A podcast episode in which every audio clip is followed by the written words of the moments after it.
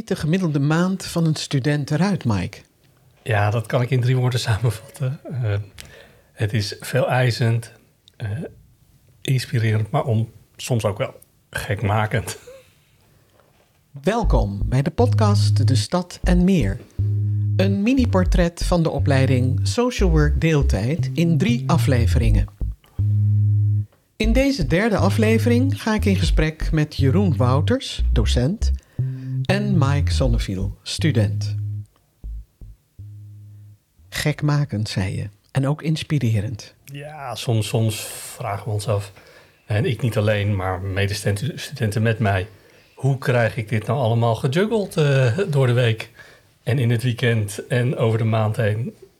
Elke keer lukt het wel weer, maar we moeten er wel ons, uh, ons best voor doen. Welkom bij de opdracht aan deeltijd. Goed om met jullie in gesprek te gaan. De opdracht aan deeltijd, dat is de titel. Jeroen, is de opdracht nu anders dan tien jaar geleden? Zeker. Um, tien jaar geleden zaten we nog in de verzorgingsstaat. Toen waren we toch veel meer uh, vanuit de samenleving, uh, zeg maar, collectief georganiseerd. En op dit moment zitten we in een participatiesamenleving. Dat betekent dat uh, het individualisme hoogtij viert. En dat betekent ook dat we zelf verantwoordelijk zijn. En dat geeft andere problemen in de samenleving en met name in Rotterdam. Dus wij hebben een totaal andere opdracht gekregen. Als je die opdracht zou kunnen samenvatten, wat zeg jij dan? Ik zeg dan, uh, wij moeten veel meer vanuit inclusie denken, van inclusiviteit. We zorgen dat we de kwetsbare mens, die tijdelijk even kwetsbaar is of langdurig chronisch kwetsbaar is, mee gaan nemen in onze samenleving, zodat iedereen mee kan gaan doen.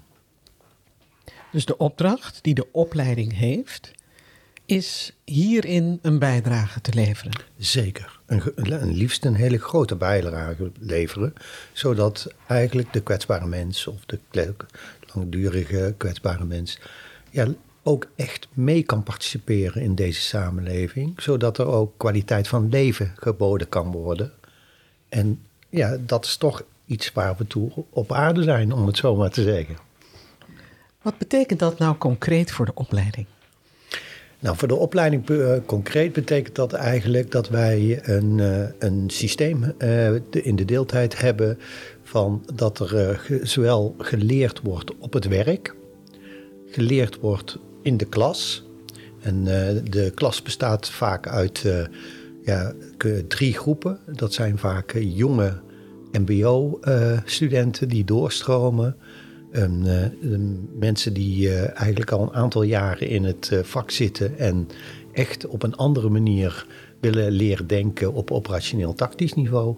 En de wat oudere student die nog het leuk vindt om een ander beroep te kiezen. En die interactie met die drie groepen gaat in de klas dan heel erg verder. En dat betekent dus ook dat je daarin terugkoppeling krijgt van een rijke leeromgeving, omdat iedereen op een verschillende werkplek werkt. En uh, dat betekent dus ook dat uh, je daardoor een ja, soort van interactie krijgt tussen studenten met de docent. Die dus uh, ja, allerlei vakken krijgt die gericht zijn om hoe mensen te includeren en te laten meedoen in de samenleving. En dan in dit geval in Rotterdam. Wat is er voor jou anders ten opzichte van een paar jaar geleden in de wijze waarop jij nu lesgeeft en in gedachten de opdracht? Ja, wij, wij hebben gekozen voor een kleinschalige uh, groepen. Dus dat betekent dat studenten eigenlijk in groepen zitten van 15 studenten. En soms hebben ze college in een groep van 25, maar meestal zitten ze in een kleine klas van 15. En dat betekent dus dat er veel oog is voor die inclusiviteit voor, het, uh, voor die student. En wij proberen dus samen door middel van interactie de theorie eigen te maken en te laten toepassen op hun werk. Want dat is wel het kenmerk van de deeltijdstudent, dat hij echt een aantal dagen per week ook werkt. Wat betekent het voor jou, Mike?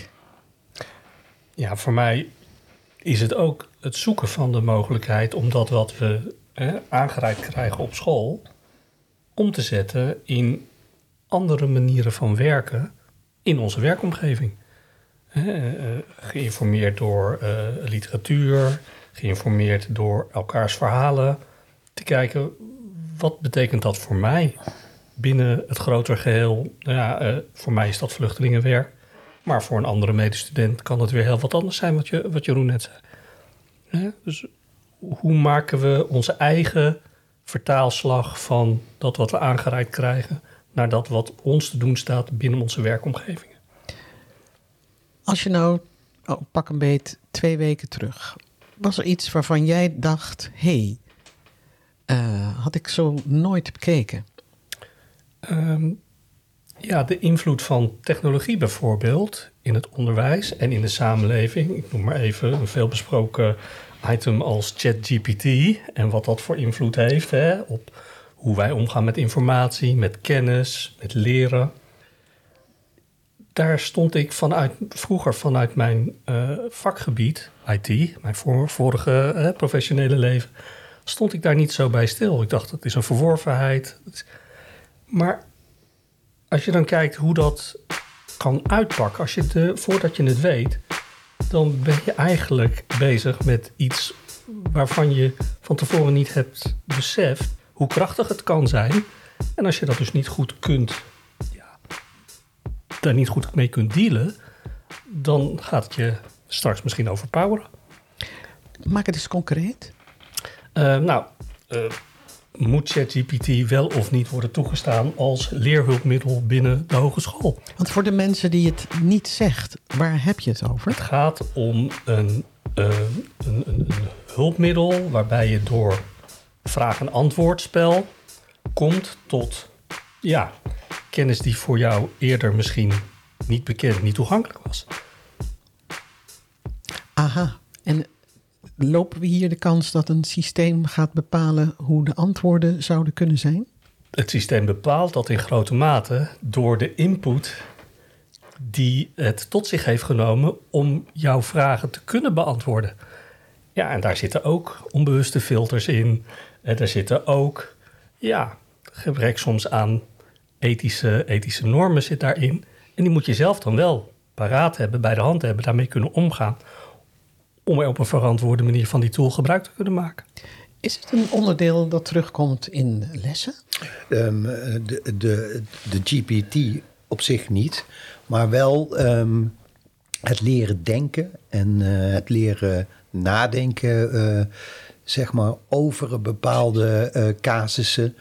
En dat betekent in feite dat de toekomst waarschijnlijk wel zal uitwijzen dat we steeds minder richting verslagen gaan. Want dat doet dat apparaat eigenlijk, uh, maakt dat uh, voor ons. Hè? Maar dat betekent ook dat je wel moet weten wat het betekent als er dan zo'n verslag ligt. En dat je dus de diepere ja, items van die theoretische begrippen ook kunt beseffen wat dat dan voor je handelen betekenen. Want uiteindelijk is het toch zo, ondanks alle techniek, dat wij mensen zijn die andere mensen zeg maar in hun kracht gaan zetten. En daarvoor hebben we een aantal methodieken. En die methodieken moeten toepasbaar zijn. En dat, ja, dat, dat dan mooi op papier kan staan met zo'n uh, zo'n tool, dat is altijd mooi meegenomen. Maar dat betekent niet dat het werkelijke werk wezenlijk verandert. Precies. Jij had het daar straks over uh, het zelfdenkend vermogen hè, hm. van uh, onze studenten. Ja.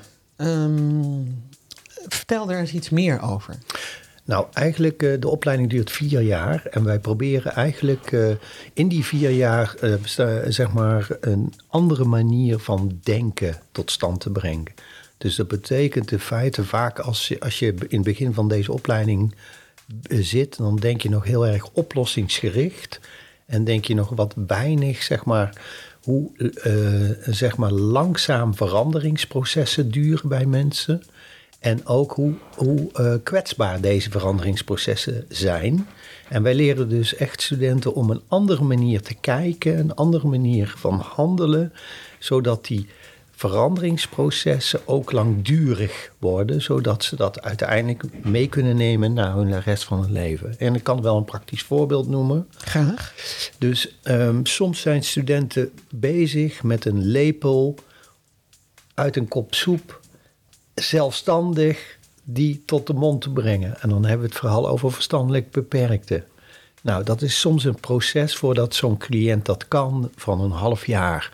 Maar dat betekent uiteindelijk dat als hij dat kan, dat zijn levensverwachting ook groter wordt. Want dat betekent dat zijn autonomie wat groter is geworden en dat geeft kwaliteit van leven. En we weten uit onderzoek dat dat uiteindelijk een grotere levensverwachting geeft. En dat betekent dus uiteindelijk dat je dus iemand ook iets wat levensgeluk meegeeft. En dat geldt zowel voor verstandelijk gehandicapte personen, maar ook voor psychiatrische patiënten, maar ook uh, in het werkveld waar Mike zich in begeeft. Want Mike, wat betekent het voor jou? Voor mij betekent uh, het nou, inmiddels uh, bijna drie jaar op deze opleiding zitten. Inderdaad, een ruimer bewustzijn van ja, de opdracht aan een beroep social worker. En, en social worker staat niet op zich, maakt gebruik, zoals Jeroen zei, van methoden, werkwijze, handelwijze. Maar vooral de houding en de kijk en de denkwijze, die zullen bepalend zijn voor wat we uiteindelijk bijdragen aan kwaliteit van leven. En concreet, uh, vluchtelingenwerk, mijn achtergrond, we hebben het in de eerste aflevering al over gehad. Uh, betekent dat dus, kunnen we zowel zien wat uh, er aan wet en regelgeving geldt, hoe de maatschappij opvattingen leven, als wat leeft er in de binnenwereld van de cliënt. En hoe verhoud ik mezelf tot al die verschillende dingen. Dat bewustzijn helpt om uiteindelijk te komen tot goede oplossingen met en voor uh, de cliënt en de samenleving.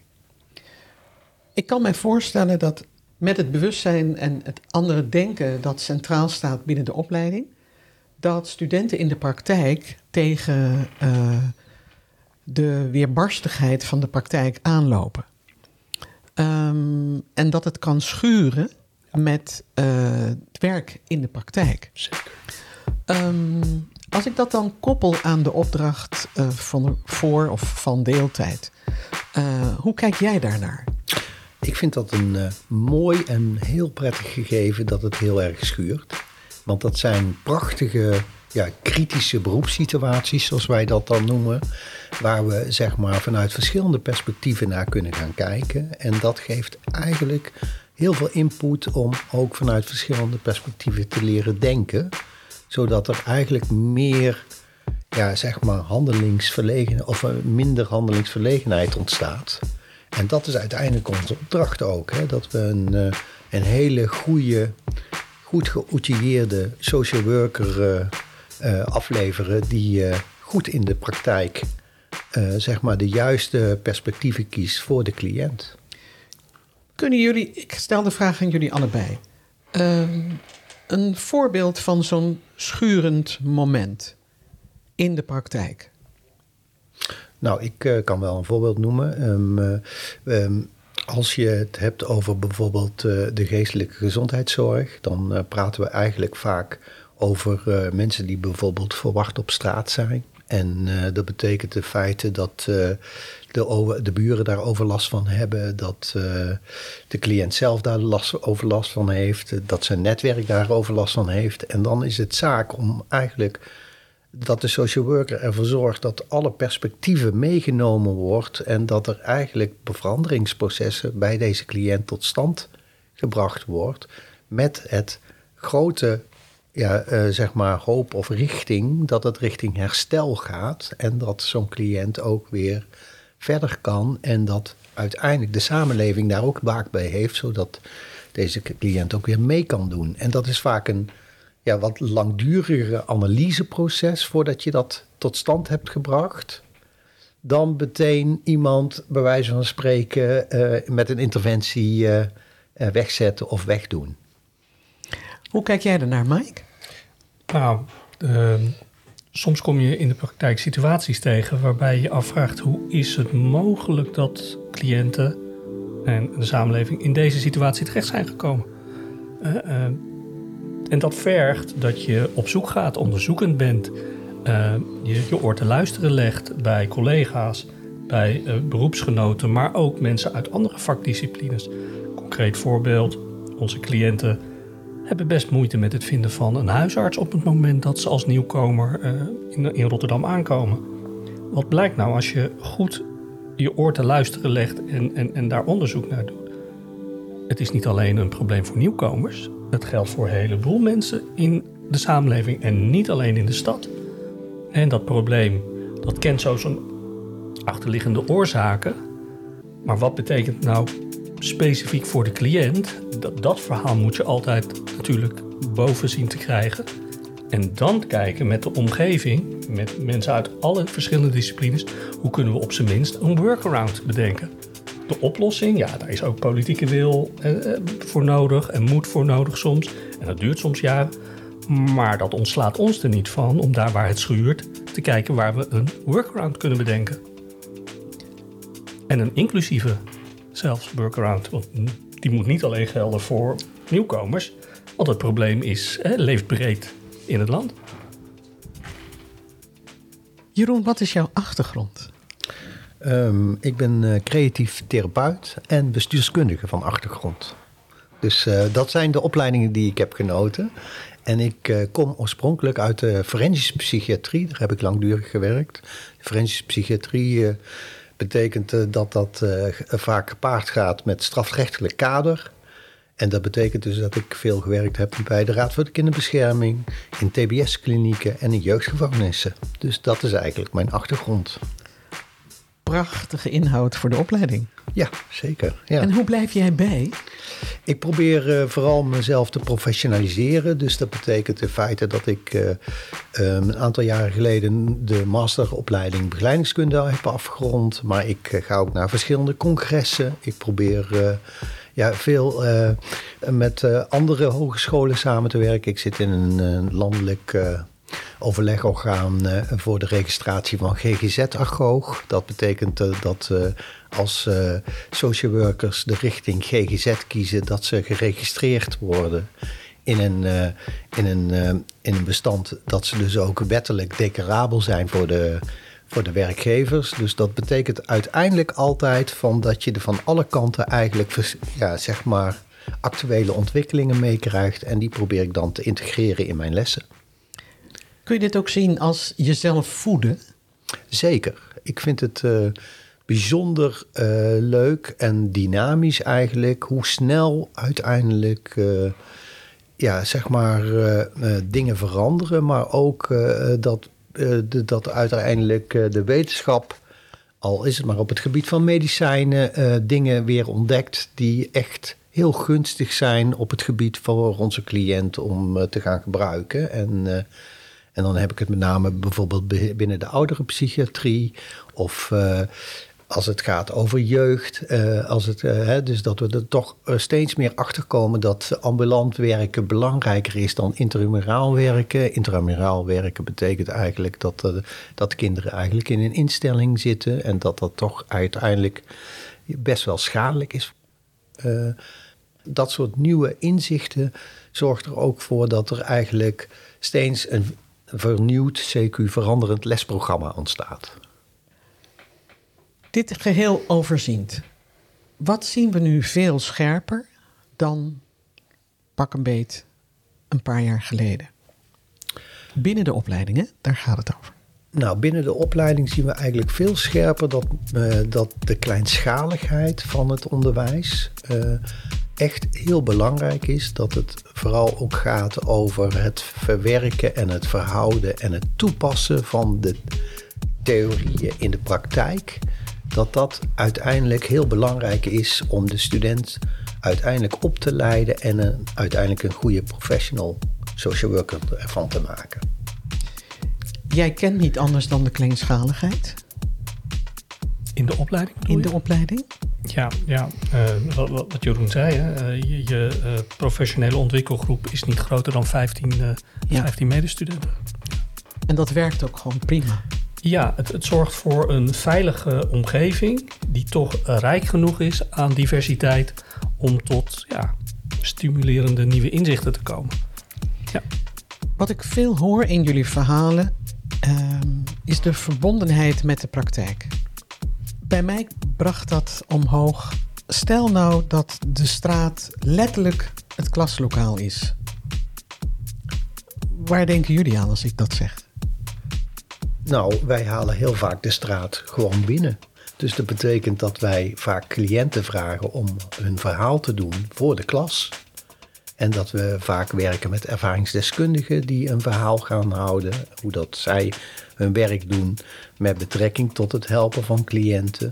En wij gaan ook heel vaak op bezoek. Dus wij zorgen echt ervoor dat we twee keer per jaar ook op de werkplek zelf van de student zijn. Zodat we goed met de student en zijn begeleider afspraken kunnen maken. Maar ook dat we goed die rijke praktijk kunnen inschatten en kunnen benutten. Wat was de laatste cliënt die jij hebt ontmoet hier binnen de opleiding? Dat was uh, eerder een ervaringsdeskundige, niet per se cliënt zou ik die persoon noemen. Ja. Ze is wel bekend met uh, allerlei uh, hulpinstellingen, GGZ-instellingen. Maar vanuit haar ervaringsdeskundigheid heeft zij ons gewezen op het belang van uh, ja, samenwerken eigenlijk ook met de mensen die vanuit hun eigen ervaring kunnen, kunnen ver, uh, toelichten, kunnen, kunnen verduidelijken wat de betekenis is van samen met anderen je eigen kracht weer gaan zien. En wie was deze dame, die uh, ervaringsdeskundige? Zij, zij, was, zij is um, voorzitter volgens mij van uh, uh, lokale raad als het gaat om ervaringsdeskundigheid. gevraagd en ongevraagd geeft zij advies. En daarnaast is zij ook in het werkveld actief om die ervaringsdeskundigheid ja, echt uh, uh, aan, de, ja, aan het publiek kenbaar te maken. En je had het over de, de raad? Is. En dat, is dat de Raad voor Kinderbescherming? Nee, of is is dat... niet voor de raad, het is niet de Raad voor de Kinderbescherming. je moet het meer in de GGZ-context zien. Oké. Okay. Okay. Misschien ja. kan ik wat uitleggen ja. over ervaringsdeskundigheid. Ja. Ervaringsdeskundigheid betekent eigenlijk dat je eerst zelf cliënt bent geweest in de GGZ. En dat is meestal voor uh, verschillende jaren. Dus je hebt flink ervaring opgedaan zeg maar, als cliënt in de verschillende organisaties waar je in uh, hulp van hebt gekregen. Dat geeft een ja, rijke ervaring en die ervaring zet je vervolgens in um, richting de professionals, richting de social workers, om in ieder geval hun te wijzen op de valkuilen die er kunnen zijn op het moment dat je te weinig cliëntperspectief meeneemt en te veel het professionele of het organisatorische perspectief. Het lijkt me onmisbaar. Zeker, zeker. Ja, en, en de, de, de, uh, de zeggingskracht van deze persoon, die, die is natuurlijk enorm groot. Uh, deze persoon heeft het doorleefd. Die heeft zowel eigen belevingswereld als overleven in een systeemwereld, heeft het doorgemaakt en hoe zou dat nou anders kunnen? En daar, daar, daar is deze persoon ook mee bezig geweest. Tijdens dit gesprek is al een paar keer het woord systeem gevallen. Uh, en wat ik hoor in wat jullie vertellen is toch regelmatig, uh, ik weet niet of ik moet zeggen, het systeem kraken of het systeem even terzijde leggen of uh, het systeem zeer kritisch blijven bekijken. Um, hoe kijken jullie daarnaar? Zal ik daar even een reactie op geven? Ik kijk eigenlijk er altijd naar dat de social worker eigenlijk in zijn functie de functie vervult van haarlemmer olie. En dat betekent in feite dat hij zorgt eigenlijk dat systemen niet het systeem wordt, maar dat systemen zeg maar contact maakt met de mens en dat dat ook gaat werken. Dus hij kan zich op een bepaalde manier verhouden tot, het, tot de cliënt zodat de cliënt ook werkelijk de vraag, de hulpvraag die hij vaak heeft, ook werkelijk, ja, zeg maar, beantwoord wordt. Is dit iets waar deeltijd goed in is? Zeker, omdat uh, uiteindelijk het natuurlijk is dat het werk het uitgangspunt is. En dat we vanuit het werk denken, hè, vanuit de praktijk, En van daaruit de theorieën daarop loslaten. En dan weer terug laten gaan naar de praktijk. Zodat het functioneren in de praktijk op een ander, CQ hoger niveau plaats gaat vinden. Mike, voorafgaand aan de podcast vertelde jij iets heel erg leuks over. Jij was bij een lezing. Ja, dat klopt. Gisteren ben ik bij een lezing geweest in Den Haag, in het debatcentrum. En uh, Emma, en daar was um, ja, hoogleraar psychiatrie en psychologie aan de Universiteit uh, uh, Utrecht, Jim van Os. Daar zijn we in het tweede jaar natuurlijk mee bekend ge geraakt vanuit, vanuit de opleiding. Psychiatrie voor volwassenen was de cursus.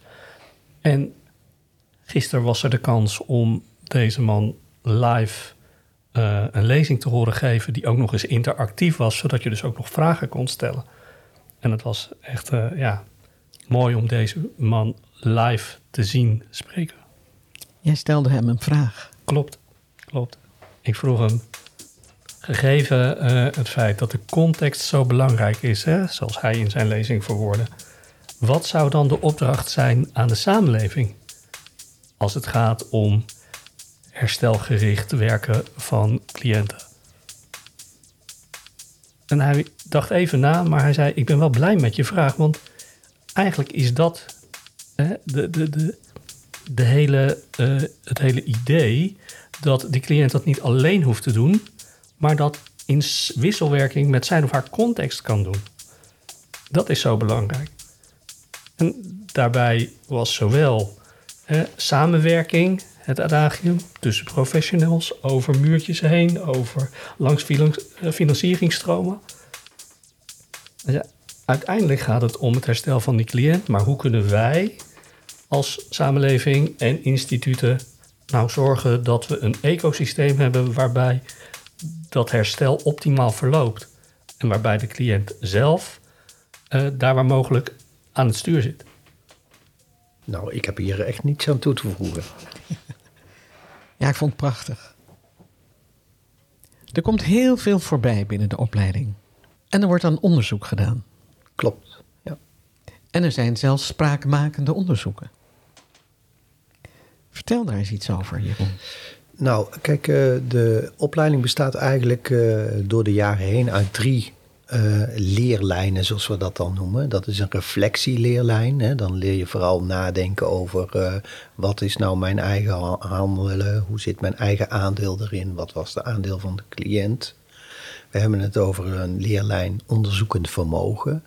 En dat betekent het feit dat de student verschillende onderzoeken in de praktijk gaat uitvoeren om zijn uh, zeg maar handelen te verbeteren, maar ook om de organisatie iets anders in te richten. En uh, daar komen hele leuke, goede onderzoeken uit. Hè. Dan kan ik bijvoorbeeld uh, als voorbeeld noemen dat bijvoorbeeld er veel agressie op een afdeling plaatsvindt. En dan blijkt toch dat de regelgeving die daar gehanteerd wordt, zo strak gehanteerd wordt dat dat uiteindelijk agressie uitlokt in plaats van dat het veiligheid geeft. En uiteindelijk bleek dat die afdeling dus liever moest worden. En wat bleek uiteindelijk na een half jaar, drie kwart jaar, dat de incidenten, de agressie-incidenten met 80% teruggedrongen waren. Heb je nog een voorbeeld, Jeroen? Zeker. Um, een, uh, er is een app ontwikkeld uh, bij autisme, kinderen die autisme hebben. En deze app zorgt er eigenlijk voor dat kinderen minder snel overprikkeld raken. En die kinderen zijn fantastisch in het gebruik van deze app, want daarmee kunnen ze indirect communiceren met met de hulpverlener. En dat zorgt er uiteindelijk dat ze beter gaan functioneren. En dat heeft er uiteindelijk voor gezorgd dat dit, dit landelijk is uitgerold. En dat die app eigenlijk in heel veel verschillende instellingen gebruikt wordt. Dus dat is een fantastisch onderzoek. Ik vind het een prachtig voorbeeld. Ja. Is er ook nog een recent onderzoek waarvan jij zegt van nou, daar zit gewoon ook meer dan muziek in? Nou, als we het hebben over uh, de oudere psychiatrie, dan is het vooral zaak dat we gewoon, uh, wat ik al eerder vertelde, dat we meer een individuele benadering uh, gaan nemen met betrekking tot dementie. En dat betekent dat sommige cliënten die uh, licht dementerend zijn en in een bepaalde fase van dementie zitten, wel wat vrijheden kunnen hebben. En andere mensen die wel verder in dit dementieproces minder vrijheden kunnen hebben. Op dit moment is het zo dat die verpleeghuizen eigenlijk een uniform beleid uh, hebben. En we zijn dus druk bezig door middel van techniek om te zorgen, door middel van sensors, dat die cliënten ook naar buiten kunnen gaan wandelen, zelfstandig. Dat ze ook eens een keer naar de supermarkt kunnen. Terwijl ze eigenlijk nu voortdurend opgesloten zitten op zo'n afdeling. Nou, dat geeft een geweldige dynamiek. Het geeft ook kwaliteit van leven en ook zorgt er uiteindelijk voor dat deze cliënten minder snel achteruit gaan. Dus dat zijn ja, prachtige onderzoeken waar we de komende jaren mee bezig zijn, waar de studenten dan in meegenomen worden. Ik zie je gewoon glimmen. Nou. Mike? Ja. Wat is voor jou een onderzoeksonderwerp dat jij te pakken neemt? Nou, ik ben met name uh, geboeid door uh, lange termijn processen. En, en wat langdurig onderzoek, keer op keer, na een periode van, van vijf jaar, op een gegeven moment aan lijnen zichtbaar maakt, die je ja, voor een deel zou kunnen doortrekken. Maar het gaat me niet zozeer om dat doortrekken op zich, maar om weten waar komen we nou vandaan. Hè? er is altijd nieuwigheid, er zijn altijd vernieuwingen, dat is prima. Maar wat blijft nou behouden, ook als je kijkt naar die lijnen? Wat zal zich waarschijnlijk bestendigen als je weet hoe die lijnen zich ontwikkeld hebben? Dat geeft een veel beter inzicht in wat waarschijnlijk de impact is van iets nieuws, dan wanneer je alleen maar vertrouwt op de nieuwigheid. Want ben jij nu al bezig met onderzoek of komt dat? Ik ben bezig met participatief onderzoek op dit moment. En dat richt zich op het vinden van huisartsen. Hè, dat, uh, ja, dat onderwerp. Thema, dat, dat ja. onderwerp. Mm -hmm. ja. mm -hmm. Want. Dat is, de huisartsen zijn namelijk de toegang tot de zorg. Ook tot de GGZ. En als daar de deur al op slot is... Ja, hoe, hoe kom je dan tot herstel er is heel veel langsgekomen. Ik ga terug naar de titel. De opdracht aan deeltijd. Is er nog iets wat absoluut gezegd moet worden? Nou, misschien moet ik het nog een keer zeggen. Wij hebben heel veel behoefte in onze samenleving aan social workers die de functie van haarlemmere olie kunnen, kunnen vertolken. En als je daarin geïnteresseerd bent, kom dan vooral bij ons studeren, want het is superleuk en je leert veel, maar het is ook superbelangrijk voor onze samenleving. Mike, ik geef jou het slotwoord. Ja, uh, we zijn dit jaar uh, in het derde jaar uh, hebben we een vak supervisie. Daar is het vorkmodel van Rudy van Damme is een hulpmiddel om je te helpen beseffen dat je wat je leert en wat je doet, hoe je je ontwikkelt, niet losstaat van de context waar we het eerder over hadden. Die grotere gehelen, die wegen mee in je ontwikkeling. En hoe meer je dat beseft, hoe bewuster je je eigen ontwikkelpad ook vorm kunt geven. Als je dat nou meeneemt, welke grotere gehelen maak ik deel van uit? Welk groter geheel uh, doet een appel op mij, een maatschappelijk appel op mij. Hoe kan ik dat meenemen in mijn eigen ontwikkeling, zodat ik daar beter aan kan bijdragen, zodat ik een beter antwoord kan geven op dat appel. Dus ook de Haarlemmer olie, maar wel vanuit een, ja, een, een omgevingsbewust perspectief. Ja. Hartelijk dank voor het gesprek, Jeroen en Mike. En luisteraars, dit was de laatste aflevering van deze podcast De Stad en Meer. Maak er een mooie dag van.